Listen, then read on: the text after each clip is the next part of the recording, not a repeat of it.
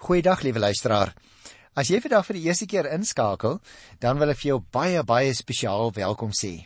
Die ouens wat gereeld na ons program luister en ook bid vir ons program, vir my as aanbieder maar ook vir ons hele produksiespan, sal onthou dat ek gesê het ek gaan 6 programme maak oor die posisie van Israel na die eerste koms van die Here Jesus. Met ander woorde, Israel se posisie in hierdie tyd waarin jy en ek ook lewe en waarin Paulus natuurlik ook gelewe het.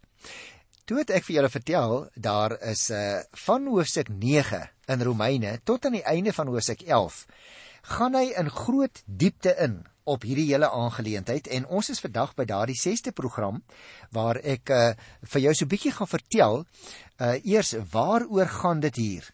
Wanneer die opskrifie soos jy kan sien in die Bybel is ook die toekoms van Israel want ek gaan hierdie paar verse net vandag met jou behandel. Romeine 11 vers 25 tot by vers 36. Kom ek gesels eers in die algemeen daaroor. Dan gaan ek die versies behandel en dan gaan ek dit weer op ons eie tyd so 'n bietjie van toepassing maak sodat ons net mooi presies die betekenis daarvan kan verstaan. In hierdie verse, liewe luisteraars, stoor die gordyne Israel se toekoms oop maar dan slegs in hooftrekke. En dit wil ek onderstreep. Die apostel sê nie vir presies vir ons hoe elke dingetjie gaan gebeur nie. Hy werk hier in breë lyne. Byvoorbeeld, ons gaan in vers 25b net nou lees van die geheimenis. Nou die geheimenis waarvan die apostel praat, is 'n voorheen verborgde aspek van God se plan met Israel wat aan die apostel geopenbaar is en waarvan hy nou sy lesers op die hoogte wil bring. Dit sal hulle nog meer noop om hulle selfversekerde houding teenoor Israel prys te gee. Met ander woorde, Paulus is al die pad besig luisteraars om te sê: Moenie julle wat Christen is, moenie julle verhef oor die Jode nie. Julle het net genade ontvang. Moenie so belangrik voel ook daarso in Rome waar julle in 'n groot en belangrike Romeinse stad woon nie. Die inhoud van hierdie openbaring wentel dus rondom bepaalde historiese momente en dit word deur 'n aanhaling uit die profeet Jesaja se boek vir ons verduidelik. Daar Jesaja 59 vers 20, uh, maar ek sal net nou weer daarop terugkom. Die vraag, liewe luisteraar, is of dit hier om twee verskillende momente gaan of om drie. Daarom gesels ek eers met jou daaroor en dan kyk ons daarna want ek wil nie daar afdwaal of op so lank uh sy pad nie. In die eerste geval luisteraars, is die twee momente ten eerste die verharding van Israel en ten tweede die toetrede van die volle getal soos Paulus hulle noem die toetrede van die volle getal van die heidene nasies tot die koninkryk. Nou in hierdie geval natuurlik is die woorde en op hierdie manier sal die hele Israel gered word in vers 26 eintlik 'n samevatting van daardie eerste twee. Dan moet Israel hier egter verstaan word in geestelike sin met insluiting van die gelowiges ook uit die heidene nasies. Terwyl hierdie woord sopas in die voorafgaande vers trouens in die hele voorafgaande gedeelte konsekwent gebruik is ten opsigte van die volk Israel. Kom ek sê dit nog 'n slaggie makliker. Wanneer Paulus en ek gaan net nou weer daarby terugkom. Wanneer Paulus uiteindelik praat van die hele Israel wat ingebring moet word, dan praat hy nie van die Jode wat almal ingebring moet word nie luisteraars. Dan bedoel hy daarmee liewe luisteraar die persone die individue wat uit die Jode as groep of as volk tot bekering kom. En dan sien hy daarmee saam die ouens wat uit die heidendom tot bekering kom. Met ander woorde nog 'n slag te sê die mense wat uit die Jodendom tot bekering kom en die mense wat uit die heidendom tot bekering kom daardie nuwe groep mense. Hulle is die nuwe Israel.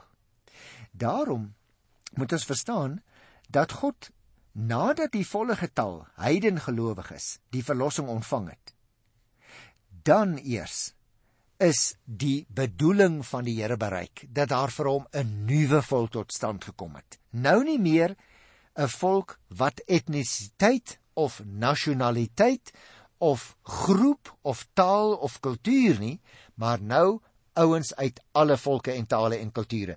Daarom te snakies lees 'n mens so 'n duidelike, wonderlike duidelike teks in Kolossense 2 vers 12. Daar staan hier bedoelende in die gemeente van die Here, hier is Christus alles en in almal. Nie meer Jood en heiden, nie meer besny en onbesny, nie meer geleerde en ongeleerde nie. Hier is Christus alles en in almal. Die volle getal, soos wat Paulus dit noem, broer en suster, beteken net so min dat alle Jode gered gaan word en dit beteken net so min dat alle heidene gered gaan word. Die volle getal slaan op die versameling van mense beide uit die Jode en uit die heidendom wat die evangelie aangeneem het. Dit beteken dus dat daar ook 'n stadium is vir sommige Jode, nie vir almal nie, dat die verharding vir daardie Jode uit hulle groep tot 'n einde gekom het. Paulus deel hier vir ons eintlik 'n geheimenis mee.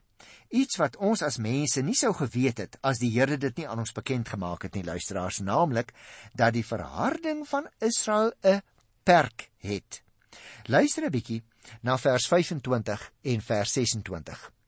Hy sê: Ons staan hier voor 'n geheimenis broers, en ek wil hê julle moet weet dat dit is sodat julle nie te verselfversekerd sal wees nie.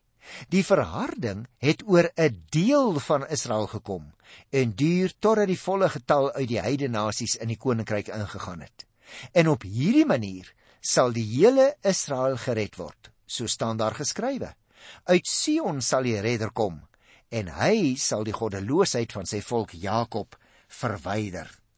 Paulus wil dus, lyk dit vir my liewe luisteraar, hier nie in die eerste plek sê wanneer die hele Israel gered gaan word nie, maar hoe hierdie toestand van redding bereik gaan word.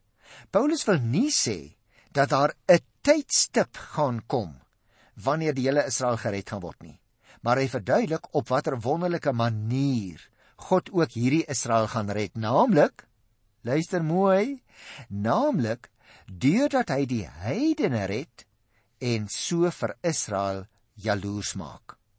Dit gaan dus nie oor 'n tydstip nie. Maar dit gaan oor 'n manier wat die Here gaan gebruik om die Jode te red. En broers en susters, ek kan dit nie genoeg onderstreep nie. Ek was bevoorreg om 'n klomp jaar gelede vir 'n jaar by die Hebreëse Universiteit in Jerusalem te studeer.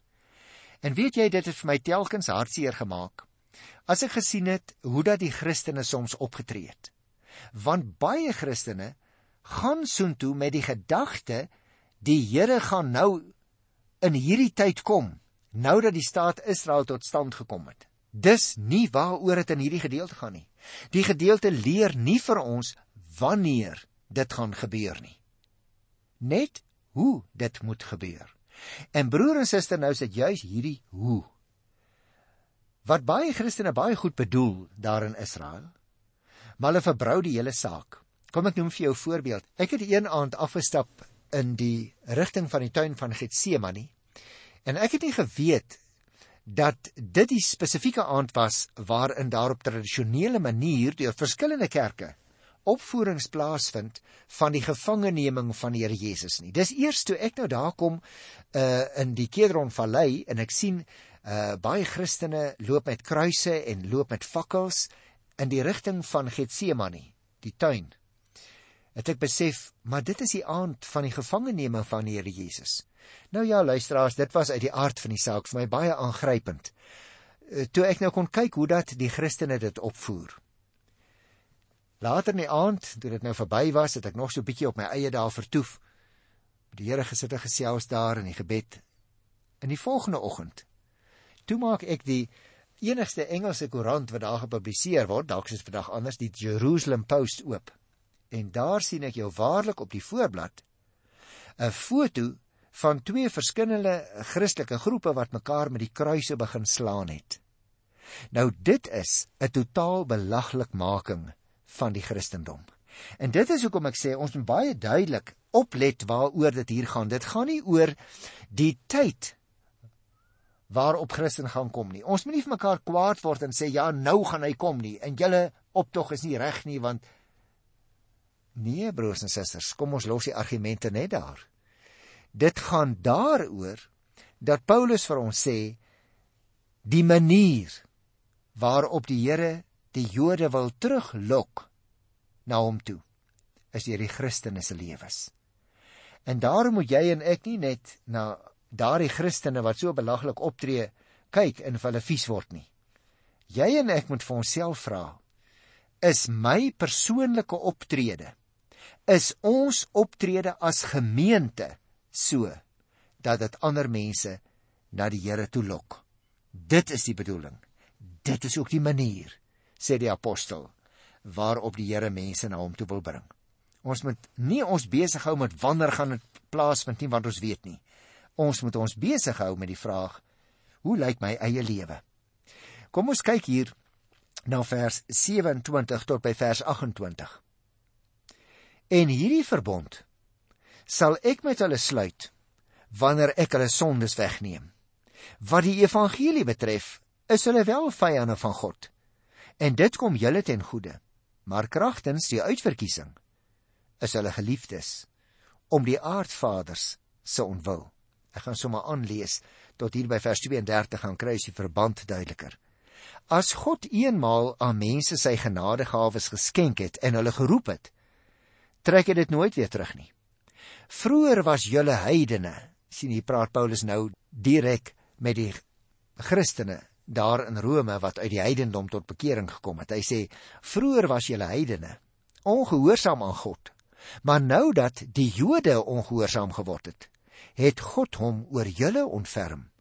Net so gaan dit ook met die Jode. Omdat God hom oor julle ontferm het, het hulle nou ongehoorsaam geword. Maar dit gebeur sodat hulle self ook nou ontferming kan vind. God het almal aan die ongehoorsaamheid oorgegee sodat hy hom oor almal kan ontferm. Nou luisteraars, dit is baie baie belangrike woorde wat ons hier kry. Paulus wys hier vir ons hoe Jode en heidene mekaar bevoordeel. Hy sê God se ontferming oor die een groep bevoordeel ook die ander. God het dit oorspronklik so bedoel dat Israel hulle seëninge met die heidene sal deel. Gaan kyk maar Genesis 12 vers 3. Die hele bedoeling dat die nasies in Abraham en sy nageslag geseën sal word. Israel het dit natuurlik nie gedoen nie. En toe het God die Messias voorsien om dit te doen. Nou moet die gelowiges in die Messias gelowiges uit die heidene sowel as gelowiges uit die Jode in hulle seëninge met die heidene nasies deel. So kom God se plan uiteindelik tot uitvoer en hy ontferm hom oor almal staan daar.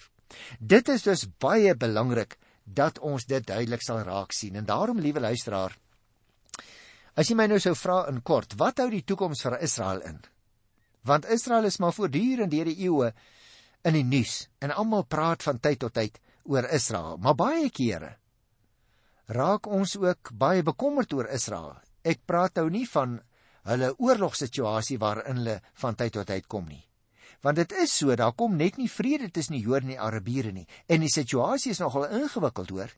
Want albei beroep hulle natuurlik op Abraham as voorouers soos ek nou net daar aangehaal het uit Genesis 12 vers Maar daar, by daardie beroep op Abraham, daar gaan die paaie wat die meeste bewoners van Israel vandag betref, natuurlik ongelukkig uiteen.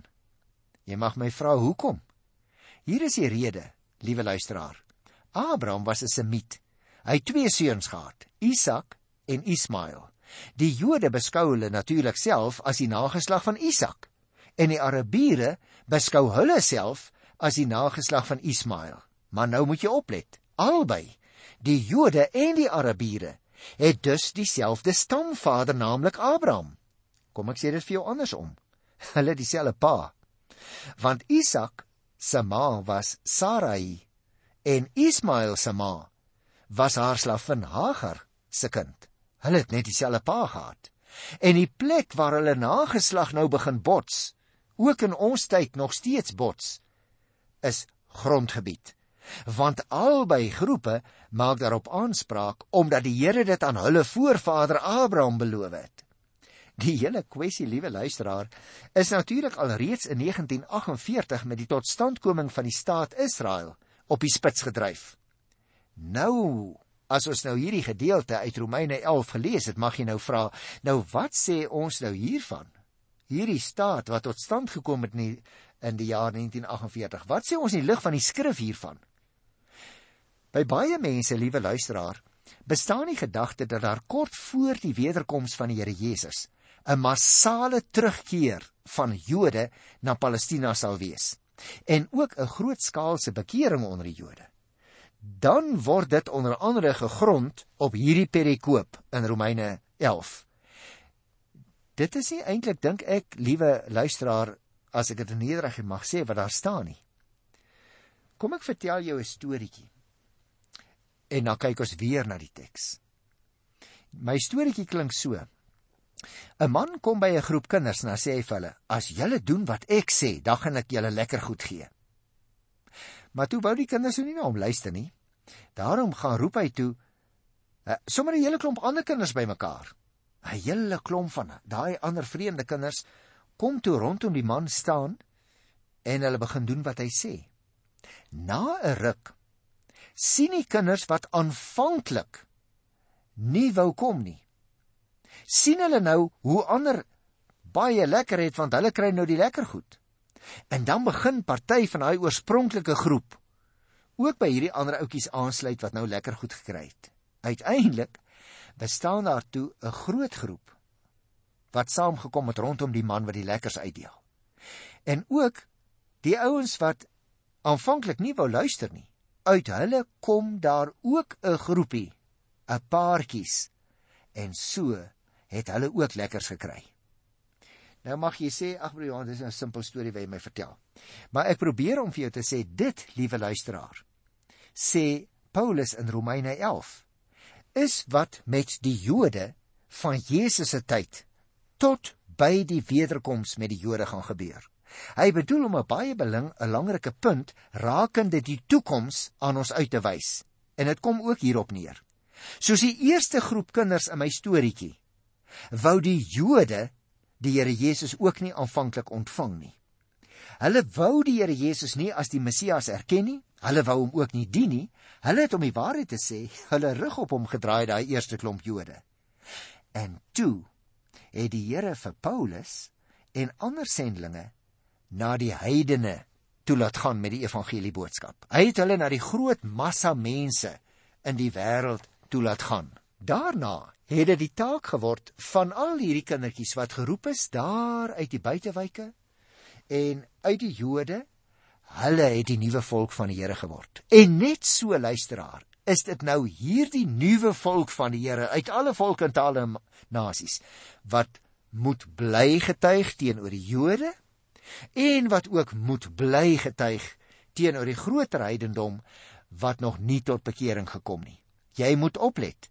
Nie alle mense en ook nie alle Jode het gekom nie. Net die wat die uitnodiging aangeneem het en gekom het, hulle is die nuwe Israel. Daarom lyk dit vir my ons gedeelte hier uit Romeine 11 wat Israel se posisie betref, wil vir ons dit sê. In die 25ste vers praat die apostel van die geheimenis. Die Jode word nie van selfsprekend gered nie. Hulle moet ook kies. Met ander woorde, individue uit die Jodendom moet ook kies om te kom na die Here Jesus toe, ten einde deel te word van die mense rondom hom. 'n Tweede aspek. Die Here het baie interessante werke gaan in die geskiedenis, nê?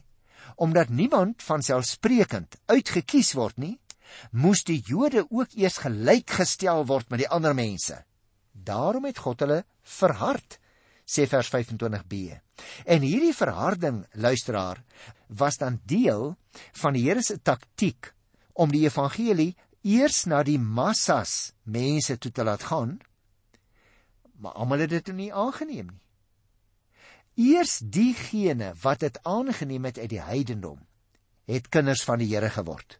Daarom Ek het by die begin van die program ook gesê maar ek wil daarmee afsluit by vers 26 waar daar gepraat word van die hele Israel Die hele Israel beteken dus nie dat alle Jode eendag gered gaan word nie. Dit staan nie in die Bybel nie. Almal uit hulle groep wat egter die Here Jesus kies, hulle word gered. Net soos al die ander individue uit die volkere wat kies, daardie individue uit alle volke, ook die Jode, net die wat kies word gered. Daar is dus nie in hierdie gedeelte in Romeine 11 sprake van 'n massa of 'n volksbekering of terugkeer na Israel toe net pas voor die wederkoms nie. Die bekering en terugkeer vind reeds geleidelik plaas van dat die Here Jesus die eerste keer gekom het. Net so praat die Bybel ook nie van 'n massale bekering uit die heidendom net pas voor die wederkoms nie. Inteendeel, luisteraars, die Bybel praat eerder van 'n groot afval tot en met sy koms. Tog kan ons wel die versnelling van die terugkeer ook sien as 'n vervulling van Ou Testamentiese profeseë, maar dit kondig nie noodwendig die wanneer van sy koms aan nie. Dit is die plan van die Here oor die hoe. Hoe gaan hulle tot inkeer kom? Deurdat die evangelie van hulle weggeneem is vir die heidene gees. Daar kom 'n klomp mense tot bekering en nou kan die Jode begin jaloers raak, soos die Bybel dit sê, op hierdie nuwe Israel. 'n Ander puntjie wat ek dus ook net wil beklemtoon, ons kan dan ook nie die Jode uitlaat uit ons sendingwerk nie. Want hulle moet ook vir die Here Jesus kies, anders is hulle verlore. En hierdie sendingwerk luisteraars onder die Jode moet ook net soos teenoor al die ander ongeredde mense voortgaan tot en met die wederkoms. Romeine praat immers van die Jode as verstoot in vers 1 en 2, as verhard daar in vers 7, van hulle struikeling en hulle val in vers 11, van hulle verwerping in vers 15. Daar word selfs vers 28 gesê hulle is vyande van God. Hulle is ongehoorsaam vers 31. Wat hulle heilstatus betref, is daar dan ook geen verskil tussen Jood en ongelowige heidene nie. Almal kan net op een en dieselfde manier gered word. Dit sê die Bybel baie baie duidelik. En daarom uiteindelik wil Paulus sê kom ons gee aan God al die eer, ook nie eers aan mense wat tot bekering gekom het en getrou getuig nie. Ek lees hier van vers 33 af tot aan die einde van die hoofstuk vers 36 in Romeine 11. En liewe luisteraar, dit is eintlik een groot stukkie eer aan God. Die beskrywing moet jy oplet van God se wondervolle, sy alle denkend oorstygende handeling ontlok Paulus dat hy ook hierdie aangrypende lofprysingslied sal sing. En daarmee gaan ek afsluit. O diepte van die rykdom en wysheid en kennis van God. Hoe ondeurgrondelik is sy oordeele, hoe onnaspeurlik sy weë. Wie ken die bedoeling van die Here? Wie gee hom raad? Wie bewys hom 'n guns sodat hy verplig is om iets terug te doen? Uit hom en deur hom en tot hom is alle dinge aan hom behoort die heerlikheid tot in alle ewigheid. Amen. Dit staan vas.